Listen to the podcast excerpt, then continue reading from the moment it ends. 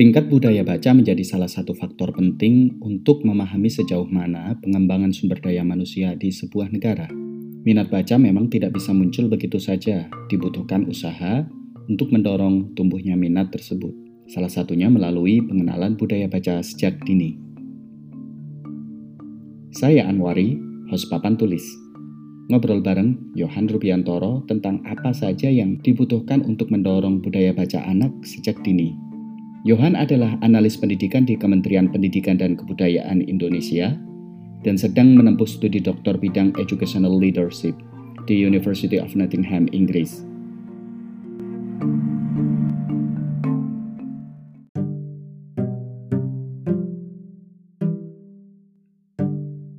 Selamat datang di Papan Tulis, Mas Johan. Ya, selamat datang. Terima kasih. Bagaimana kabar Mas Johan di Inggris apakah sekolah-sekolah sudah dibuka dan melakukan pembelajaran tatap muka atau masih online? Di Inggris sekolah sudah mulai tatap muka sejak 8 Maret. Um, jadi sudah ini sudah hampir satu bulan ya, sudah beberapa minggu ini anak-anak sekolah sudah mulai berangkat ke sekolah ya sudah jadwalnya sudah mulai normal Tapi memang untuk yang perguruan tinggi, untuk universitas um, mahasiswa yang jurusan social science yang itu masih ya 50-50 lah jadi masih ada tatap muka satu kali seminggu gitu tapi ya sebagian masih ada yang online termasuk saya masih masih online sekarang. Mm -hmm. Oke, okay. uh, eh, Mas Johan sebagai seorang bapak dan memiliki dua orang anak yang sekarang sedang sekolah di pendidikan dasar di Inggris. Apa yang Mas Yohan lihat? Ya sekarang sebagai orang tua dan juga mungkin sebagian besar orang tua lain di Inggris ya campur aduk ya. Jadi antara cemas dan juga senang. Cemas ya karena memang bisa dibilang kondisi pandemi belum berakhir.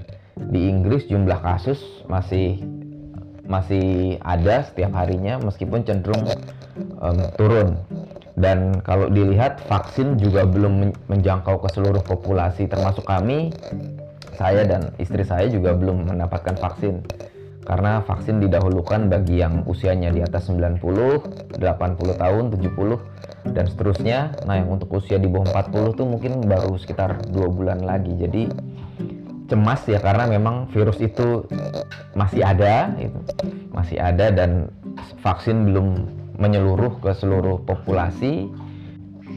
Jujur pembelajaran online ini buat anak-anak juga juga apa ya uh, juga cukup menyulitkan ya. Bagaimana? Artinya mereka tidak bertemu teman-teman mereka tidak tidak bermain keluar jadi di rumah saja itu. Kemudian apa belajar secara online lihat laptop ketemu guru juga secara virtual itu juga ya kurang kurang kurang menyenangkan lah bagi mereka itu. Jadi ketika Boris Johnson perdana menteri mengumumkan bahwa awal Maret anak-anak sudah bisa mulai bersekolah ya anak-anak senang gitu.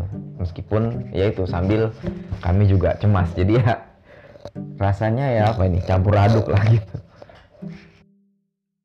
Berangkat dari latar belakang Mas Johan yang secara profesional fokus ke bidang pendidikan anak dan kemudian sekarang juga ngambil program doktor di bidang pendidikan juga. Apa yang Mas Johan lihat dari praktek pendidikan, terutama pendidikan formal di Inggris?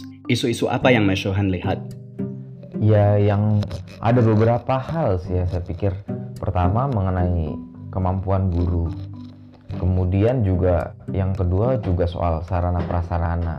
Itu dan kemudian yang ketiga cara pembelajaran. Ini sih yang saya pikir tiga poin yang saya sering saya sering coba perhatikan gitu di Inggris. Jadi eh, misalnya dari segi kemampuan guru di sini kan guru sudah memiliki standar tertentu ya dari segi kualifikasi pendidikan dan sebagainya kemudian sarana prasarana sarana prasarana juga di sini sangat penting karena kita kalau melihat fasilitas sekolah yang baik juga contoh hal kecil saja misalnya um, gerbang sekolah gerbang sekolah di Inggris ini kan um, tidak bisa orang sembarang keluar masuk gitu ya karena mereka menjaga uh, keamanan siswa-siswi gitu. Nah, nah sarana ini ini hal-hal kecil aja sarana belum lagi soal alat permainan edukasi yang yang mereka miliki yang yang mereka punya.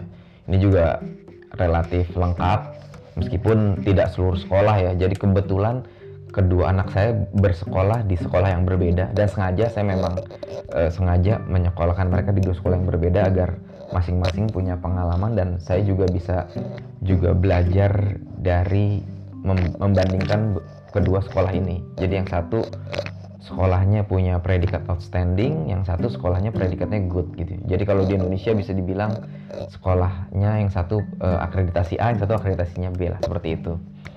Kemudian proses pembelajaran ini juga penting. Jadi bagaimana guru mendeliver, bagaimana guru uh, membawakan materi belajar secara menyenangkan kepada anak-anak.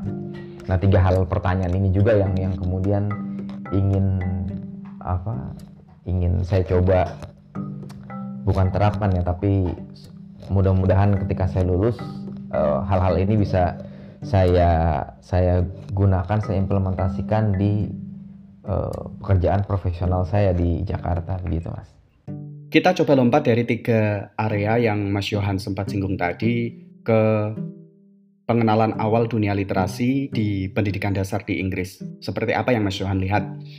Iya, kalau kita bicara literasi, saya bisa bilang bahwa memang uh, uh, ini sangat menantang ya problemnya kalau saya lihat ketika saya di Inggris saya menyadari bahwa problemnya cukup kompleks ya uh, untuk di Indonesia. Bu, ya artinya tantangannya cukup besar gitu. Jadi saya lihat di Inggris ini mas, anak-anak itu sudah dibiasakan membaca memang sejak kecil, sejak dini. Bahkan saya juga cukup heran ternyata di Inggris ketika seorang ibu melahirkan si bayinya ini selain dia di rumah sakit dapat paket apa uh, kalau di Indonesia kan kalau melahirkan tuh bayi tuh orang tuanya akan dikasih paket ini ya um, kayak shampoo pokoknya ya sabun dan alat-alat kebersihan itu nah di Inggris juga hampir sama dapat paket seperti itu tapi juga ditambah buku mas. Jadi bayangkan bayi itu um, baru usia ma ma bayi itu si orang tuanya sudah dibekali buku buku yang sangat sederhana. Jadi uh, bagaimana si bayi bisa uh, mengenali tekstur. Jadi di buku itu di kertas itu ada ditempel tekstur-tekstur terus kemudian warna mengenal warna. Jadi memang itu da dari kecil. Nah kemudian uh, melangkah selanjutnya ke level sekolah ke level pendidikan anak usia dini di Inggris ini pendidikan anak usia dini dimulai dari usia 3 tahun atau level nursery nah di level nursery ini anak-anak itu juga sudah dikenalkan dengan membaca. Jadi bukan calistung dalam arti di drill ya, tapi sudah mulai dikenalkan. Kebetulan anak saya yang kedua itu mulai sekolah di Inggris dari kelas dari usia 3 tahun dari nursery. Jadi ada beberapa hal-hal ringan yang mulai dikenalkan guru ke si anak itu tentang buku. Jadi setiap satu kali seminggu itu si guru itu membacakan buku cerita ke si anak paut ini, anak usia tiga tahun ini. Satu kali seminggu itu mas. Jadi uh, dan itu one on one. Jadi guru itu membacakan di sisi si anak ini. Jadi benar-benar jadi satu orang uh, jadi satu guru membacakan kepada satu orang itu sekali seminggu. Nah dua kali seminggu, dua kali seminggu si guru itu membacakan buku ke beberapa kelompok anak, beberapa kelompok kecil. Jadi misalnya dalam satu nursery itu ada 10 orang anak, jadi dibagi tiga kelompok. Jadi misalnya tiga orang, tiga orang, yang satu empat orang. Nah, dua minggu sekali, eh maaf, dua kali dalam seminggu, jadi si guru ini membacakan ke kelompok kecil ini. Dan menariknya, setiap hari, setiap hari, jadi setiap hari guru membacakan ke seluruh kelas. Jadi memang sudah mulai dibiasakan membaca dari dari kecil. Jadi guru sudah mulai membiasakan anak-anak membaca gitu. Meskipun ketika usia tiga tahun itu kan tentu mereka belum belum bisa membaca tapi sudah mulai dikenalkan. Jadi melalui apa? Melalui cara itu mendongeng. Jadi setiap hari si guru mendongeng membacakan buku cerita ke semua anak setiap hari. Nah kemudian dua kali seminggu ke kelompok kecil. Nah satu kali seminggu itu ke anak satu persatu. Jadi anak saya dapat giliran satu kali seminggu itu dia membaca bersama gurunya. Itu di level guru ya di level sekolah membiasakan di level sekolah kemudian selain membaca sarana prasarana. Nah, sarana prasarana juga sekolah menyediakan buku-buku gratis, jadi punya semacam perpustakaan kecil ya, sudut baca. Nah, buku itu setiap hari itu si anak itu boleh membawa buku-buku yang disediakan oleh sekolah meskipun meskipun si anak belum bisa membaca jadi guru mengencourage mendorong mereka untuk membawa buku itu pulang ke rumah dan nanti di rumah uh, si anak diminta untuk uh, meminta kedua orang tuanya untuk membacakan buku itu. Nah, kebiasaan-kebiasaan dari sekolah ini yang kemudian membantu anak untuk uh, mulai mengenal buku, mulai nah kemudian dari rumah, dari rumah. Saya juga ketika anak saya mulai sekolah PAUD di Inggris, saya jadi juga jadi mulai terbiasa membacakan buku karena ketika anak saya datang ke rumah gitu, dia bawa buku dari tasnya kemudian dia menyodorkan ke saya bacain bacain gitu kan.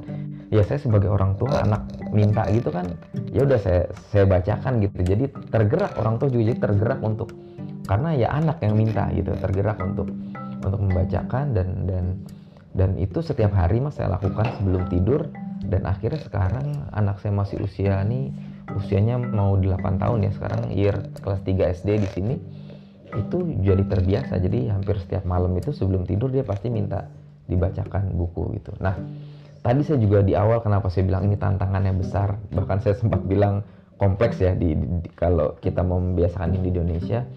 Karena saya lihat di sini memang ekosistem literasi itu untuk membiasakan anak membaca tuh memang ekosistemnya tuh sudah sedemikian rupa mas. Jadi tadi dari gurunya mendukung. Kemudian satu hal yang juga penting dari sisi industri. Dari si industri di sini itu mas buku-buku itu murah sekali. Jadi penerbit-penerbit itu sering kali sering kali memberikan diskon buku.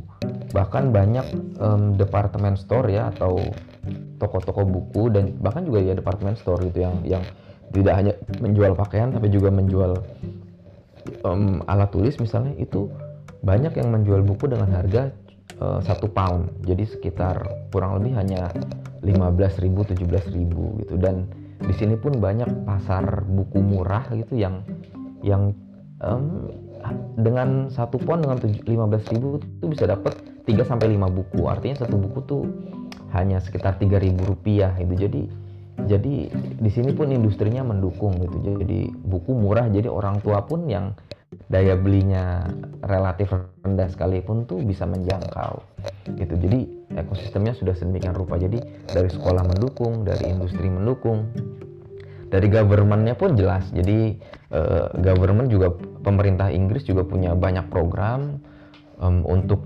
membiasakan anak-anak membaca mulai dari menyediakan perpustakaan yang nyaman dan kemudian anak-anak uh, mendapat perlakuan khusus gitu mas ya. Jadi kalau di perpustakaan di Inggris ini anak-anak itu boleh minjem buku sepuas mereka tanpa biasanya tanpa batas limit jumlah bukunya dan tidak ada jangka waktu pengembalian. Jadi dia apa misalnya lebih dari batas waktu katakanlah diberikan waktu um, sampai satu tahun ya. Jadi yang jelas anak-anak tuh panjang untuk proses untuk uh, durasi peminjaman bukunya itu bisa bisa bisa lama.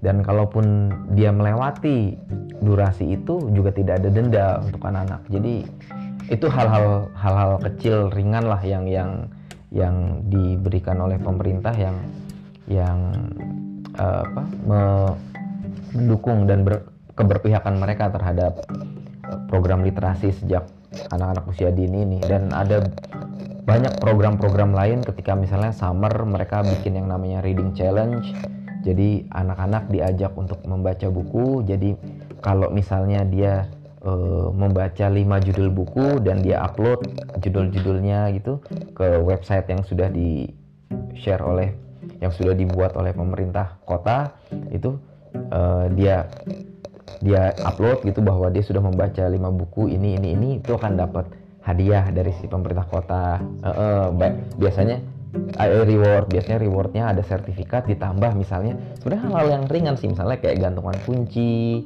dapat kemudian dapat apa pembatas buku atau mainan semacam mainan boneka-boneka kecil gitu lah mas gitu. Jadi uh, hal yang ya tidak tidak mahal tapi itu buat anak kan itu reward yang bagi mereka itu uh, reward yang berarti gitu. Mereka sudah baca terus dapat reward itu. Jadi memang uh, lingkungannya sih sangat sangat sangat mendukung gitu.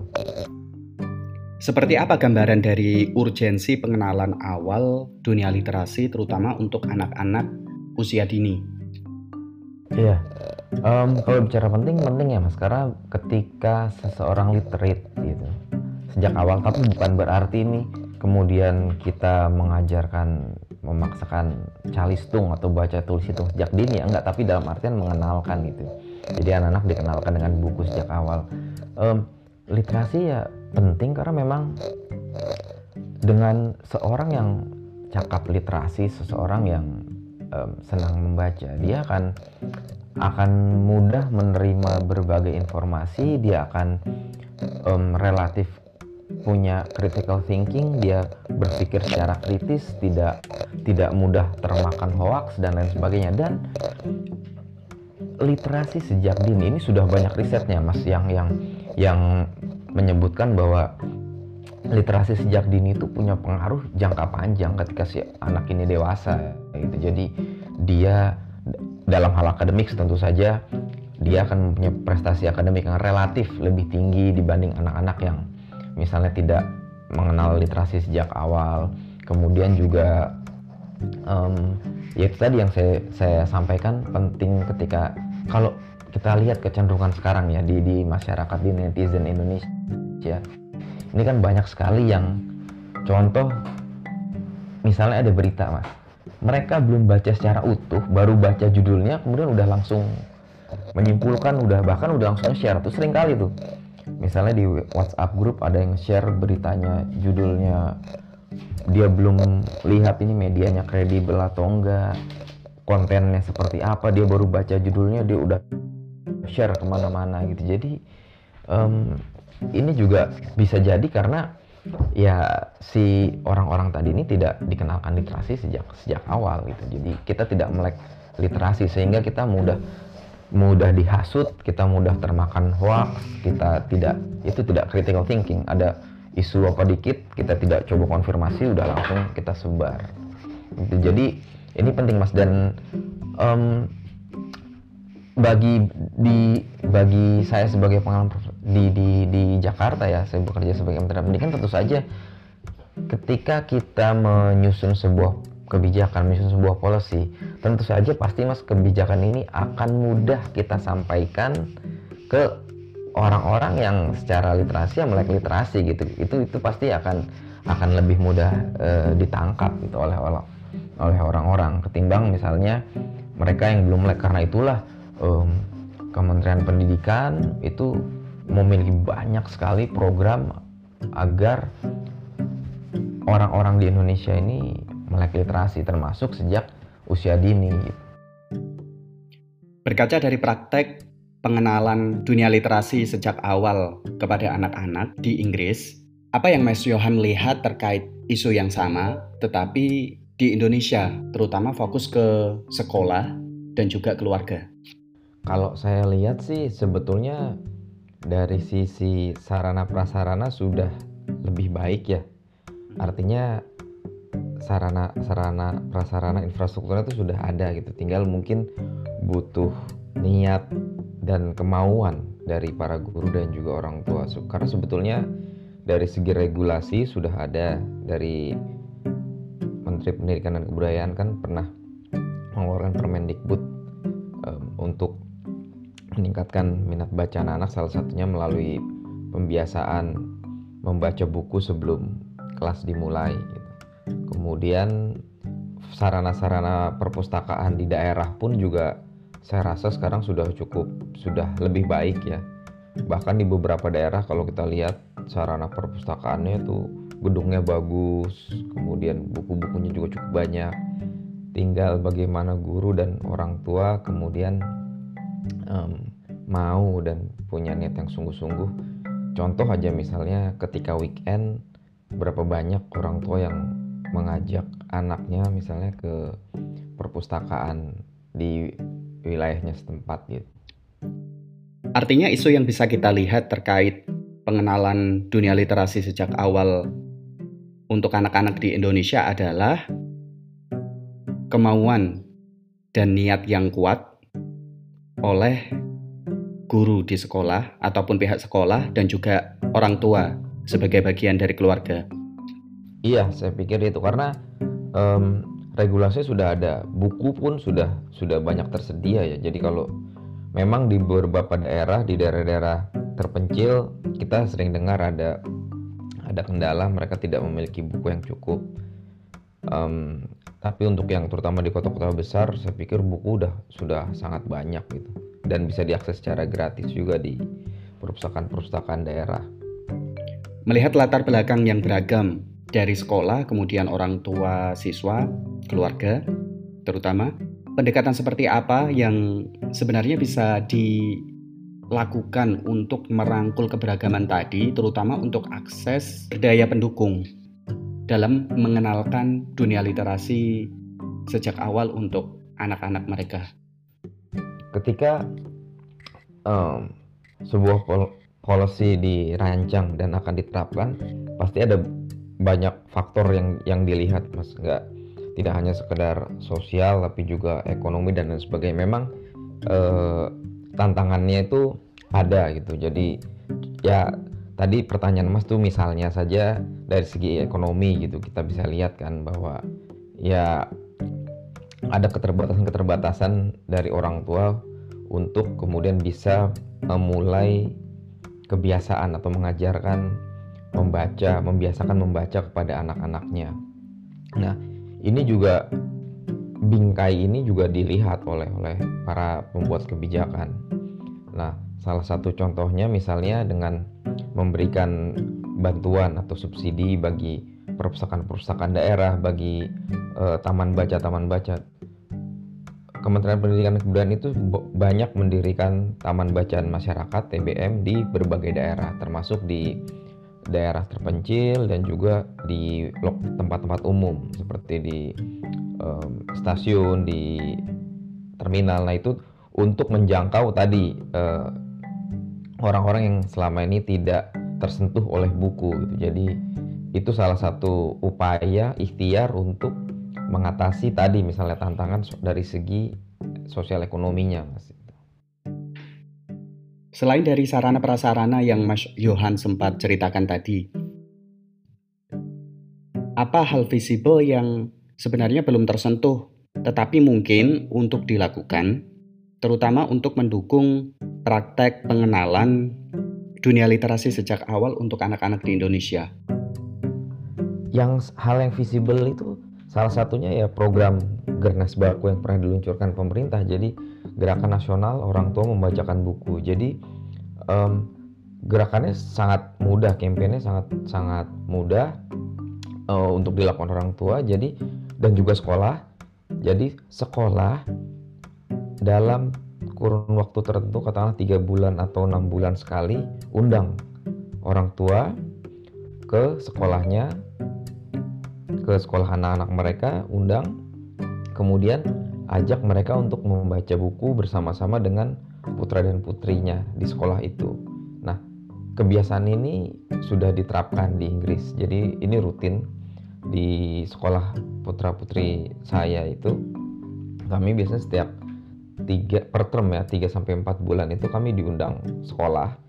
Di situ sekolah memberikan saya dan eh, istri saya satu atau dua buah buku yang kemudian buku itu di kita bacakan bersama-sama dengan anak di sebelah anak-anak saya dan juga nanti ada beberapa orang tua yang membacakan di depan di depan anak-anak yang lain gitu. Jadi ini hal yang uh, tidak butuh modal besar dalam arti hanya butuh kemauan uh, niat yang kuat dari sekolah untuk mengirimkan surat undangan lah seperti itu ke pada orang tua untuk datang ke sekolah kemudian membaca bersama putra-putri mereka. Cukup 30 menit, 15 sampai 30 menit. Um, durasinya tidak panjang tapi punya dampak yang dampak yang cukup signifikan gitu karena ketika seorang anak bonding dengan bapak ibunya membaca buku bersama gitu itu punya punya secara psikologis punya dampak yang luar biasa itu mas. Dan sudah banyak sekali kajian literatur yang menyebutkan dampak um, literasi dampak terutama pada usia anak usia dini ya uh, dan dampaknya ketika mereka dewasa. Salah satunya ada penelitian dari Amerika Serikat bahwa seseorang anak yang sejak kecil mendapatkan pendidikan usia dini yang berkualitas, eh, mendapatkan pengenalan budaya baca yang sejak awal, ketika dia usia 15 tahun setelah diteliti, dia mendapatkan skor PISA. Skor PISA ini adalah sebuah pengukuran dari sebuah organisasi yang namanya OECD. Itu dia mengukur salah satunya antara lain matematika.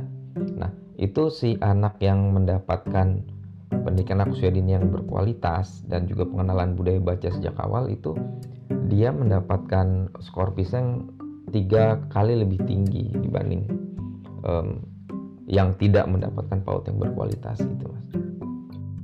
Kalau melihat materi pengenalan dunia literasi sejak awal untuk anak-anak di Inggris, apa yang Mas Johan lihat?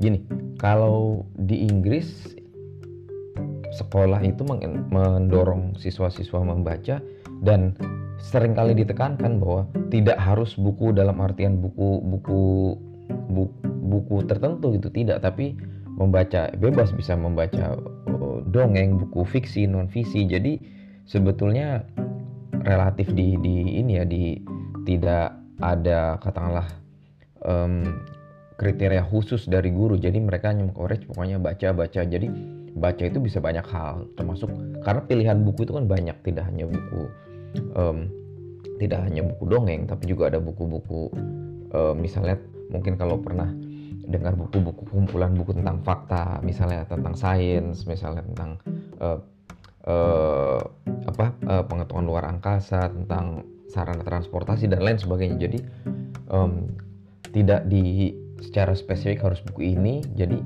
bebas. Jadi yang ditekan adalah buku yang disukai oleh anak gitu. Karena ada yang bahkan ada pepatah bilang kan kalau seorang anak itu pada dasarnya kalau dia belum menyukai belum senang baca buku itu bisa jadi karena dia belum menemukan jenis buku yang ia suka gitu. Artinya mungkin dia belum nemuin jenis buku yang yang yang ia senangi gitu. Misalnya bisa jadi si anak ini senang dengan uh, apa uh, hal-hal yang bersifat pengetahuan luar angkasa jadi barangkali dia belum menemukan buku yang sesuai gitu. Jadi ketika dia menemukan buku yang sesuai dengan keinginannya dengan keingintahuannya nah, mungkin dia akan termotivasi. Jadi cari buku yang yang memang disukai oleh anak bebas gitu. Mau buku komik mau buku apa bebas itu apakah sekolah-sekolah di sana provide list uh, bacaan buku yang wajib dibaca dan juga bacaan buku yang mereka bisa baca di rumah atau di luar jam pelajaran? Kalau disebut yang wajib sih hmm, bisa dibilang tidak artinya tidak ada uh, kriteria seperti itu tapi memang di sekolah di sekolah itu um, ada buku-buku yang dibacakan di kelas yang dia sesuai dengan kurikulumnya.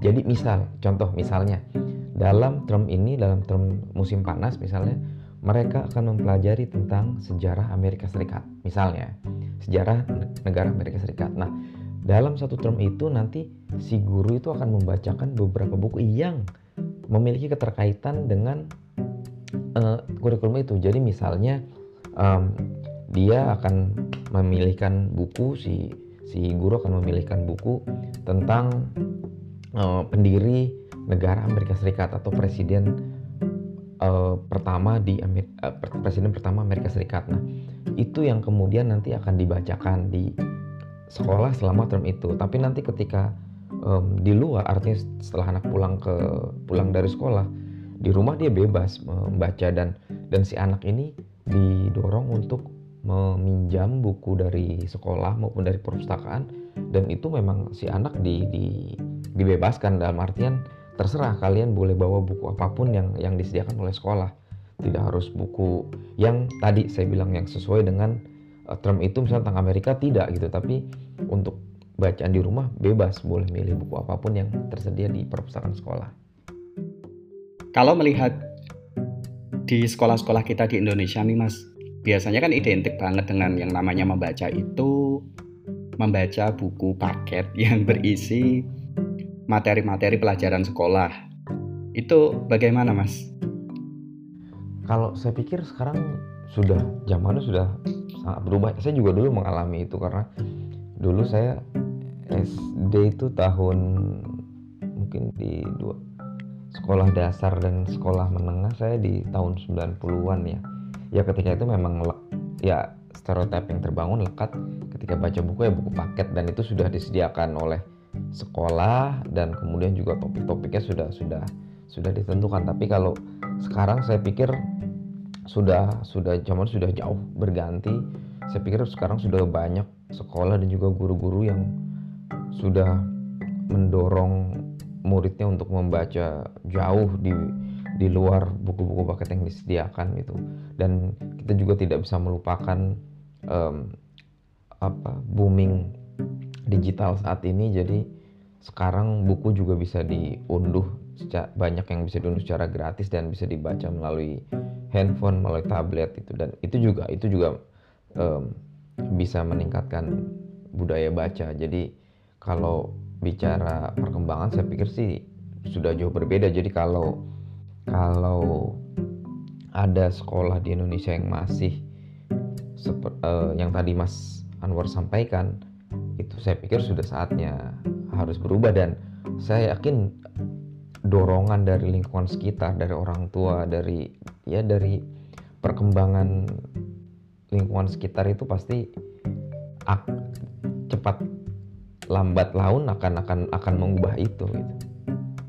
Jadi sudah saya pikir tidak saatnya lagi tanda kutip ya tanda kutip. Yeah, yeah, mengekang mengekang murid untuk oke okay, kamu harus baca ini saja itu enggak gitu. Karena setiap orang pasti punya karakteristik masing-masing memiliki kesukaan masing-masing. Ya misalnya ada anak yang suka baca komik misalnya komik manga ada yang ada yang suka membaca hal yang lain gitu membaca jenis-jenis buku yang lain. Ada yang suka fiksi ada yang suka non fiksi jadi yang terpenting sih menim kalau untuk terutama untuk dari anak-anak di usia dini ya yang terpenting kan menumbuhkan minat bacanya dulu ini kan ketika dia sudah punya minat ya dia akan akan mudah gitu untuk membaca buku maupun informasi lain dan menyerap hal yang lainnya gitu. Dan kita juga perlu ingat bahwa literasi itu kan buk, tidak seperti dulu. Jadi saat ini kan konsepsi literasi itu udah berubah. Dulu mungkin literasi orang hanya tangkap literasi itu buku.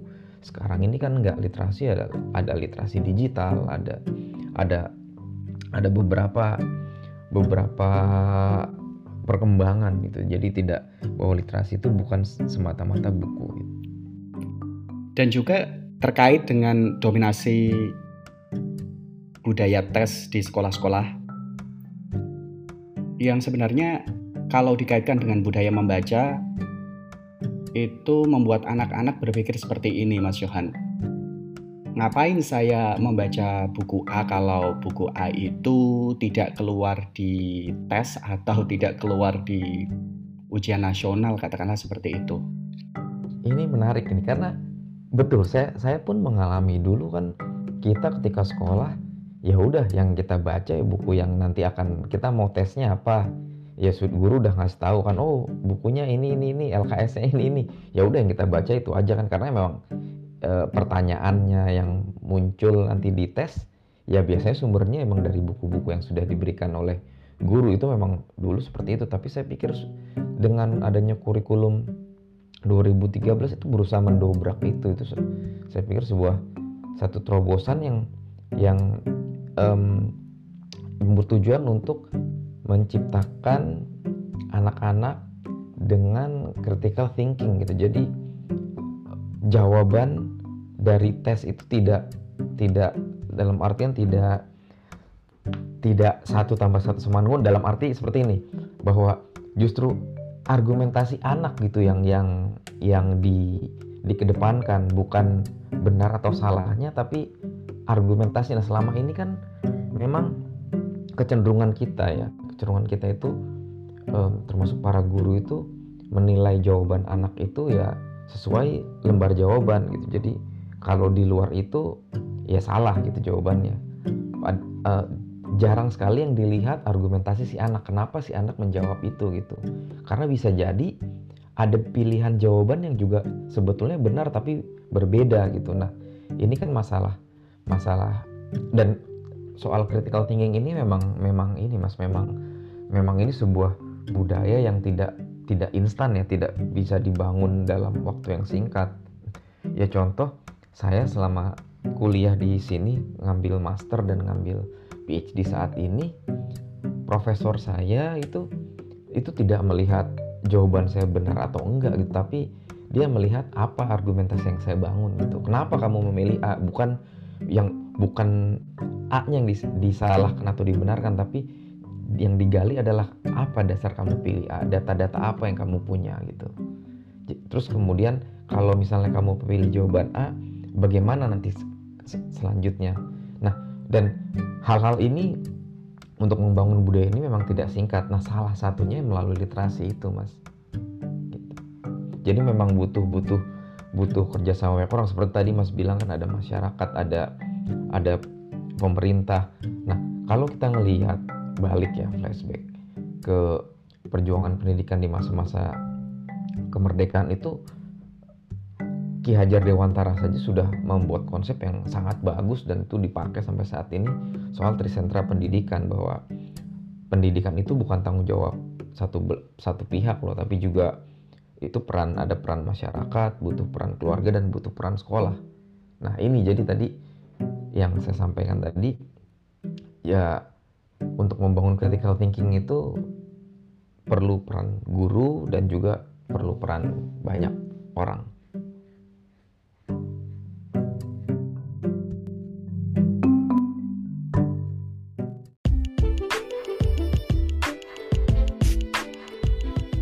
Terima kasih telah mendengarkan dan ikut serta membangun narasi pendidikan yang lebih baik lewat papan tulis. Ikuti kami di Instagram at. Dan juga ikuti episode-episode papan tulis dari mana pun teman-teman mendengarkan podcast.